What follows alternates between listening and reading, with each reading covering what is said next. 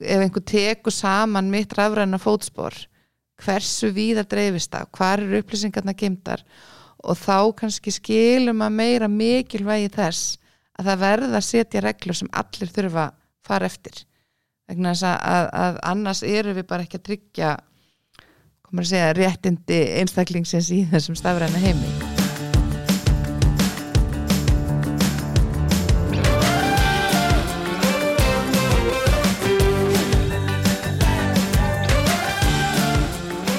Komið sæl, Fjóla Haugstóttir heiti ég og verið velkomin í hlaðvarpið augnabliki innaði.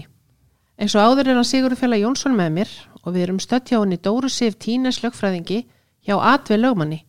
en hún er sérfræðingur í personumemnd. Takk fyrir að taka mót okkur Dóra. Já, verið velkomin Eh, Við ætlum að fjalla um personumemnd í stafrænum heimi og fókusa á GDPR. Hvers vegna það er mikilvægt og hvernig innleðingin á reglugerðinu hafi gengið. En svona fyrst til að byrja með, um, getur þú rifjað upp fyrir okkur hvað er í rauninni GDPR í svona stuttumáli og, og til hvers voru þessi lög sett?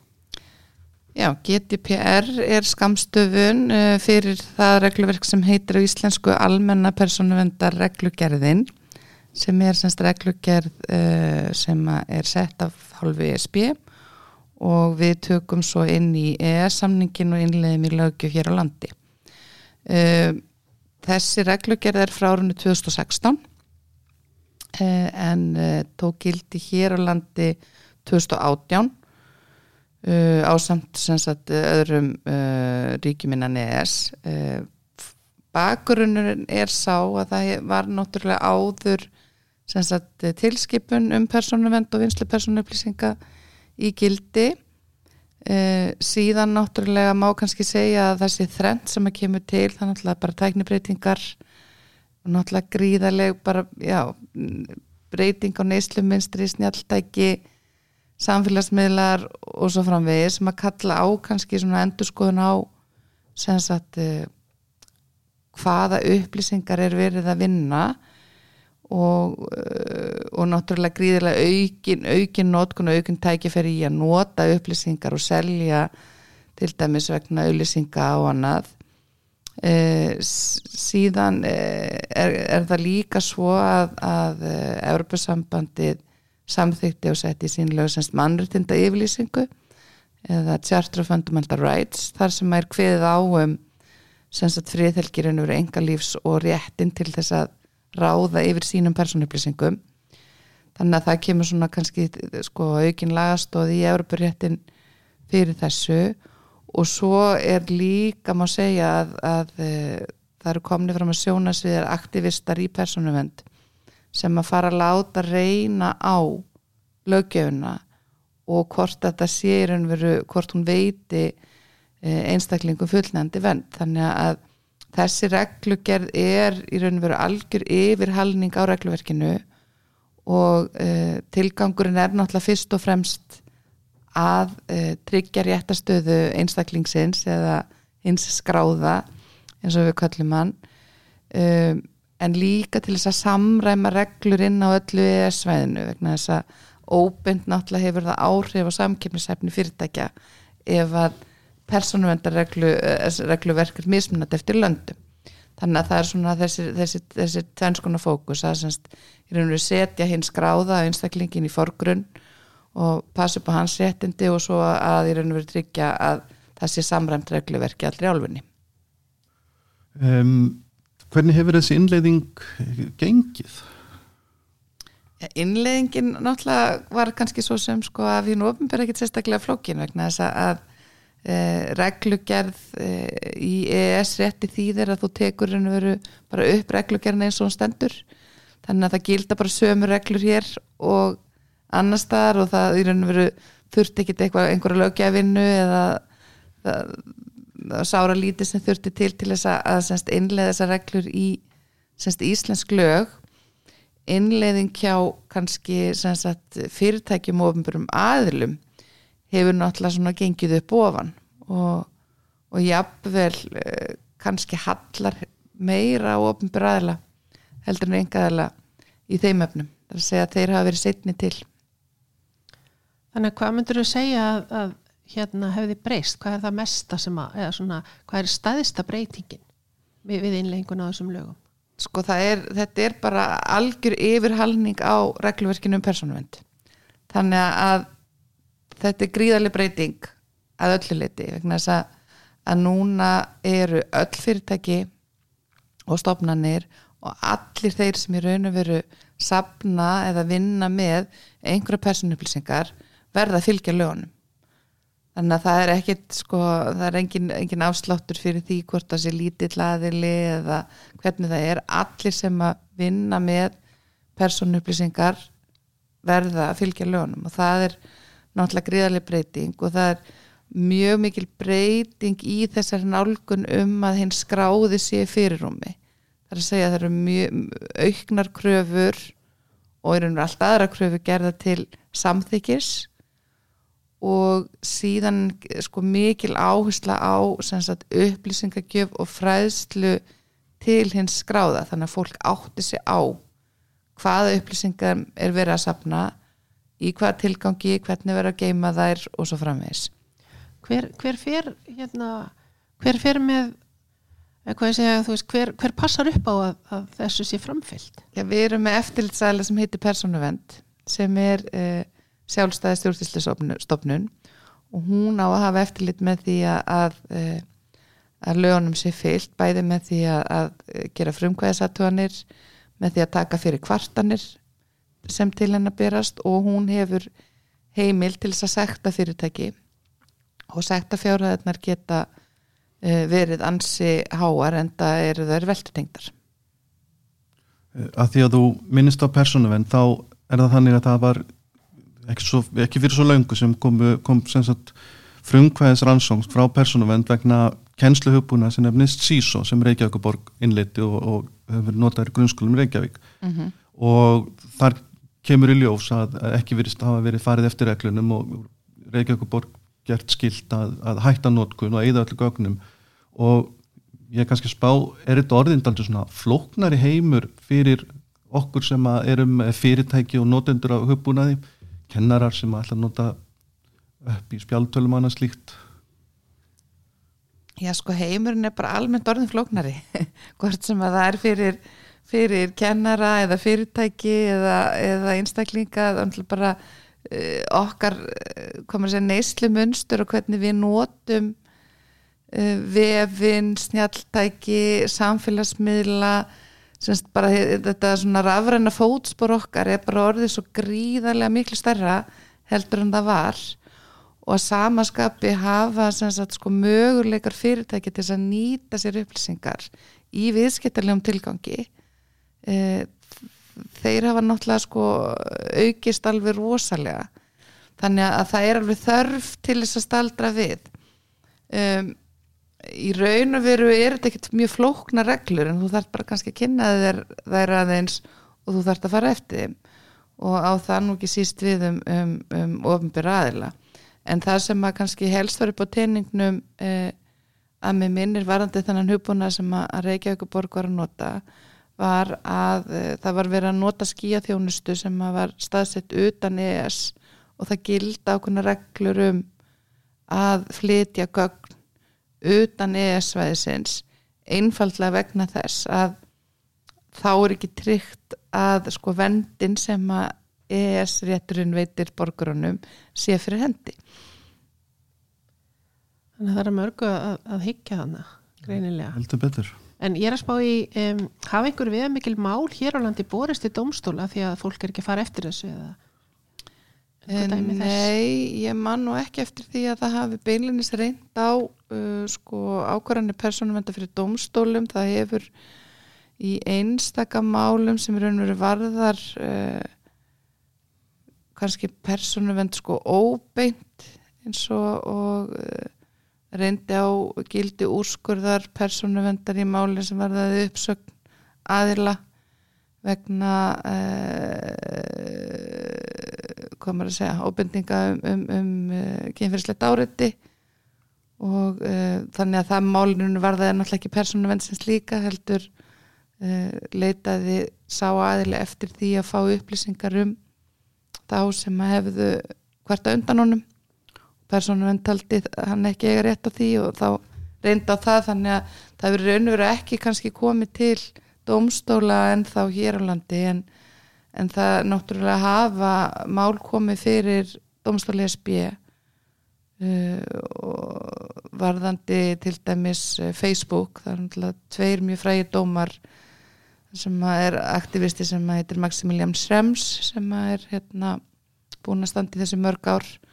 og var það þá í raun veru bæði sagt hvernig Facebook vinnur með gögn, vistar þau og svo líka að þau séu sko senda áfram til til bandaríkjana e, þannig að, að þar e, erum við náttúrulega með nokkuð fordæmi en, en svo er náttúrulega mikil gerjun í gangi í Európu og það eru margar persónuvendar stofnanir búin að vera að taka ákvarðanir sem að kannski engum beinast gegn þessum sko bandarísku stórfyrirtækjum sem að verðast ekki alveg hafa kannski kynnt sér reglurna til hlítar. Og þú ert með sko bæði mál sem varða Google Analytics þú ert með mál sem að varða uh, Apple uh, nýlegt mál í Noregi. Þá var hérna stefnum átta forrið sem að heitir Grændir sem að var sektað fyrir að þá er og verið deila upplýsingum um notendur með sagt, fyrirtækjum sem að gáttu selt auglísendum upplýsingarnar. Þannig að e, það er mikil gróska í þessu og þá er þetta náttúrulega sko málin beinast að sérstaklega að því að það er ekki verið að veita fólki nægilega miklar upplýsingar um hvaða upplýsingum er verið að sapna í hvaða tilgangi hverju þeir geimtar og svo framvegis. Eh, en líka það er verið að nota upplýsingar fólks í viðskiptalegum tilgangi án þessi raun og veru að viðkomandi hafi samþýkta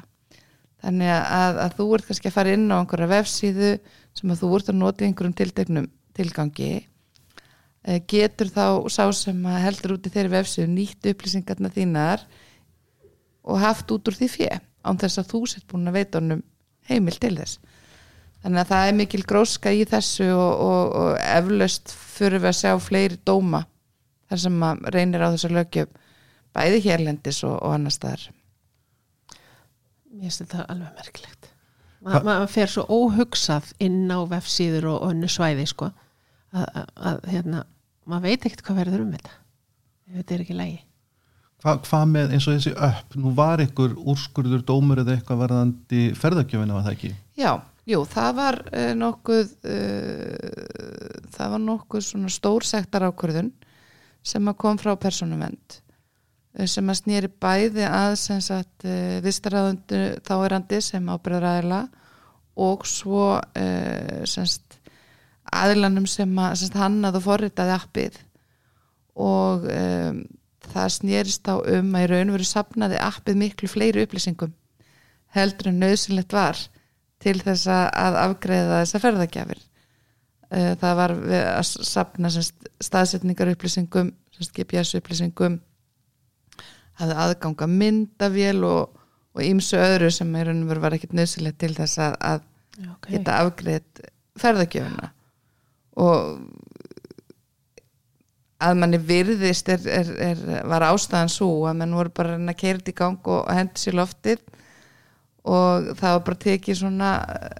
hvað maður að segja smáfóritt úr bóksinu og sett út. Og úr bóksinu er það með öllum funksjónum sko. Og það var bara láðist að hérna týna út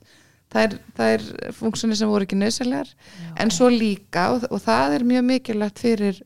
fólk að hefa í huga líka vegna þess að persónumvenda stefnan var ekki fyrst fyrir hendi, hún var ekki fullnendi og, og það er í raun og veru sko atriði sem að personuvend hér og eh, sem sagt eh, sýstustofnar annar staðar er að leggja sí meiri áherslu á. Það er að upplýsingagjöfin til þín sem notanda sé fullnægandi að þú fáir upplýsingar um og getur tekið afstöðu til hvaða upplýsingar er, er verið að sapna þannig að það er, það er þessi fræðslu skilda sem að tala um. Og hún er mjög mikilvæg Nú hérna, nú er GDPR það nær vantarlega bara til Evrópu er sambærileg lögjöf í öðrum löndum? Nei, en sko þessi löggjöf hefur smitað út frá sér og hún gerir það vegna þess að, að til þess að til dæmis sé hægt að nota skíaþjónustu eða sem sagt e, í raun og veru flytja gögn yfir til ríkja sem eru utan sagt eins innri markaðar. Að þá þarf framkvæmstjórn ESB að gefa út þessu ákvörnum að e, sem sagt viðkomandi ríki sé með fullneðandi persónuvend sem að þýðir í raun og veru að þá reyna með náttúrulega að laga sig að því þannig þeir geti átt viðskipti við semst fyrirtæki á hinn minnri markaði síðan hefur þessi lögjöf líka uh, svona ákveðna virkni semst út fyrir uh, sko í raun og veru hinn minnri markað að því leiti að öll fyrirtæki sem ætla að bjóða þjónustu á henni minnramarkaði þau verða að uppfylla skilirði uh, reglugjörðarinnar þannig að allins amirist fyrirtæki sem er með vefsíðu sem að beinist gegn sko, európskum neytendum. Bara amirísku fjölmiðl uh, sem að er með opinn fyrir sagt, európskum neytendum. Hann þarf að uppfylla skilirði reglugjörðarinnar og þess vegna tóku margir eftir því að um tíma um, þá voru sömar uh, ameríska vefsir þar voru bara lokaðar fyrir sko, heimsóknum frá Evrópu að því að menn uppfylgdi ekki þetta reglverk þannig að þetta hefur svona uh, hvað maður að segja utan uh,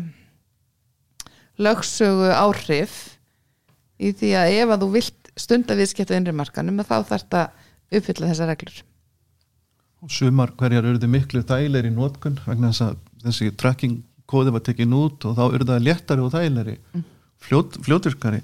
e, en það hafa verið álit eða úrskurðir í, í allavega Fraklandi og Östuríkja Þískalandi mm -hmm. Varðandi nótkun á, á þjónustu eins og Google Analytics og, og nú er að vakna spurningar um hvort að þessi svo við tökum bara dæmi um Google Analytics þessi gríðarlega mikið notaði, mikið notaði þjónustakkur þessi beilinis orðið ólöglegt að nota hana í Evrópu? Er það tilfellið eða? Ég, sko ekki, ég myndi fara allavega mjög varlega en það leikur fyrir þessi niðurstaða. E, frá Östuríkja með minnir frekar en Fraklandi og hún byggir á því að sko notandin fær ekki nægilega miklar upplýsingar um semst, hvaða upplýsingum er verið að sapna og síðan e, byggir hún líka á því að Google er þá að sapna í raun og þessum upplýsingum og vistaður í Ameríku.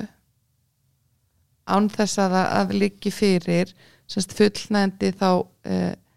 skilir þið um vend upplýsingarna samkvæmt sko, geti verið reglverkinu þannig að, að ég myndi til dæmis ráðleika öllum að fara mjög varlega í að nota þessa þjónustu meðan ekki hefur verið úr þessu bætt Er þetta tímabundið ástand? Nú var nú voru rástafanir, Privacy Shield til dæmis er, er, er, eru er Európusambandið og bandaríkin að, að semja eða sko, hvað gerðist eiginlega? Það sem að gerist er að það verður hriðverk árás New York og bandarísk stjórnvöld fá gríðarlegar heimildir til gagnaöflunar og, og, og vistunar og í raun og veru bara algjörlega frýtt spil. Þannig að e, sagt, fyrra í raun og veru fyrri ákverðun framkvæmda stjórnarinnar um að um þarna privacy shield bygg, byggðir einu verið því að bandarsk stjórnvöld lofuðu að þau myndu samt sem ekki nota þessar upplýsingar með þessum hætti. Síðan kemur bara på dægin að það er raun og verið ekki tækt að framfylgja uh, slíkum lofurðum og, og reglverki í bandaríkjanum er samt sem áður óbreytt. Uh, þannig að það er uh, það eru vandkvæði bundin við að framsenda gögn til bandaríkjana bara út af þessari aðstæði að þú getur aldrei tryggt örgið þeirra á fullnætti hátt. Það sem hægt er að gera er að, að reglverki gerir aðfyrir að, að ef þú getur ekki reyttið á ákverðun framkvæmta stjórnarnum að viðkomandi landi eða svæði síðlagi að þá getur í raun og verið bætt úr því með bindandi samningsskilmálum. Þannig að þú getur þá í raun og verið gert segjum þú sért að nota skíja þjónustu Amazon í, í bandaríkjunum og getur gert samning við Amazon þar sem Amazon ábyrgist að gögnin séu vendu með tilteknum hætti. En bandaríkin eru erfið vegna þessara gríðalegu heimilda sem að, yfirvöld hafa til þess að sapna gögnum um fólk og, og núna til dæmis eh, ef þú sækir um sko vegabrisáritun til bandaríkjana þá þarf þetta að veita samþykki fyrir því að, að, að það mjög kanna sagt, samfélagsmiðla okay. þannig að það Já, okay. það er, þeir eru frekar gefi heldur en hitt sko já, já, já. Hvað með önnur land, hvað með Kína, gögn, vistu þar til dæmis er um, það á nú uglust sama við um Kína en það er náttúrulega kannski bara sjálfgefur að menn sé að nota kínverska skíðaþjónustur þannig að það verður ekki reynd á það í framkvæmt að mér minnir ekki með ákvörðun sko. Já, maður að hugsa um kannski stórar lausnir eins og TikTok eða ekki kínvest eða kannski Jú, en TikTok er sko kínvesk lausn en, en sko vistar væntanlega gögnvarðandi notendur á Európamarkaði í uh, annarkort Európaríki eða, eða landi sem að er með með sagt, svona hérna, samræmis ákvörðin Einn ein kannski einn smá spurning hérna sem er dættu bara í hug núna. E, Breitland gengur úr Európa-sambandinu, Hef, hefur það einhver áfrið varðandi GDPR? Heldur betur. Okay. uh, Það var sem sagt tekin bráðbrákurinn um að það var í lægi sem sagt hérna að, eh, að framsendi gagna til Breitlands væri í lægi svo lengi sem að því breytar í rauninu verður náttúrulega gangur úr Európa-sambandinu en halda regluverki nóg breytu en nú til dæmis er uh, hérna persónuvend og, og, og gagnavistun eitt af þeim sviðum sem að, að núverandi ríkstjórn Breitlands hefur bóðað að þeir muni endur skoða hvort að þeir muni breyta frá semst európskon reglum. Og það þýðir þá að, að ef að svo verður og ef að það verður ekki semst ákvör, framkvæmta stjórnum kemur ekki með ákvörun og segir þetta samt sem áður í lægi að þá verður líka vandkvæm bundið að, að senda gögt til Breitlands Ok. Þetta, þetta breytist alls saman. En um, sko nú erum við hjá yðinni að um, okkar félagsmenn eru langt flestir í litlum og meðalstórum með fyrirtækjum mm -hmm. og við erum svona spá í svolítið hvernig þetta kemur við þau fyrirtæki og, og það fólk sem það starfar. Um, þurfa fyrirtæki að hafa eitthvað í huga varðandi personumenn þegar að til dæmis vefur settur í loftið er eitthvað, er eitthvað virkni sem verður að vera til staðar eitthvað sem fólk þarf virkilega að hafa í huga? Já, sko það er náttúrulega eins og ég sagði á þann að þá gildir lögjunum alla.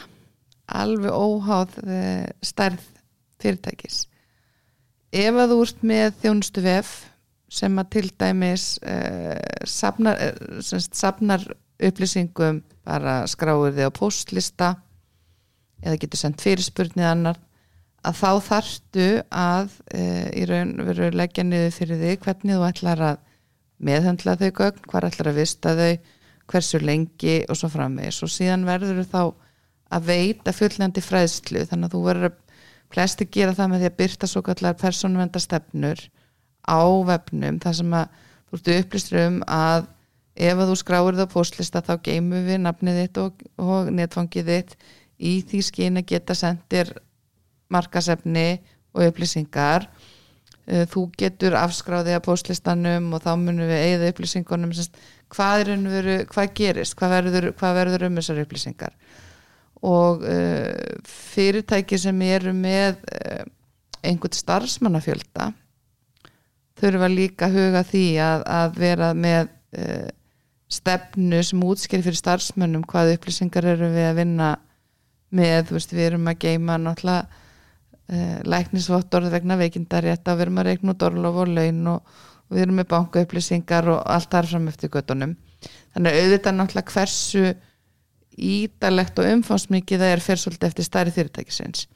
En það sem að ég hef reykist á og, og er ágætt að nefna er að sem er mikið af litlum fyrirtækjum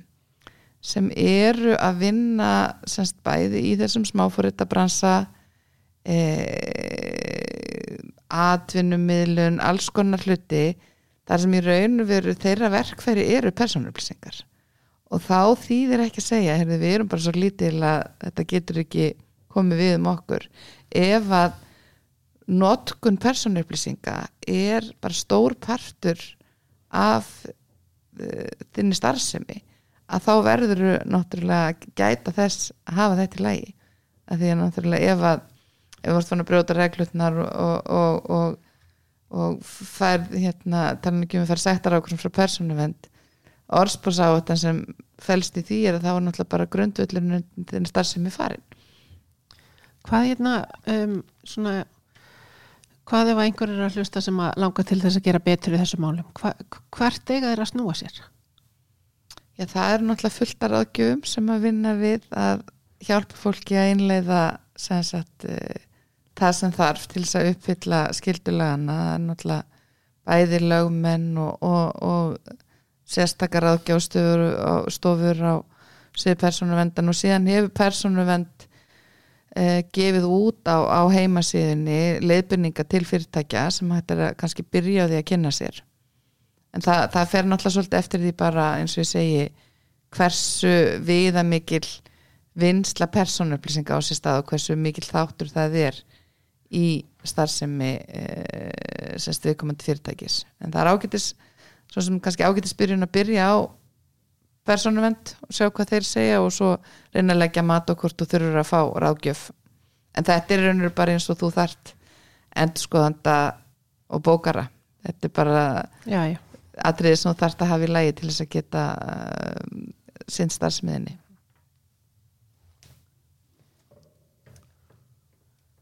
Er eitthvað fjalla sem að, að við erum að gleyma að, að spyrja hennar Dóra að? Eitthvað sem, að, að, eitthvað sem þér Dóra finnst að við höfum ekki, ekki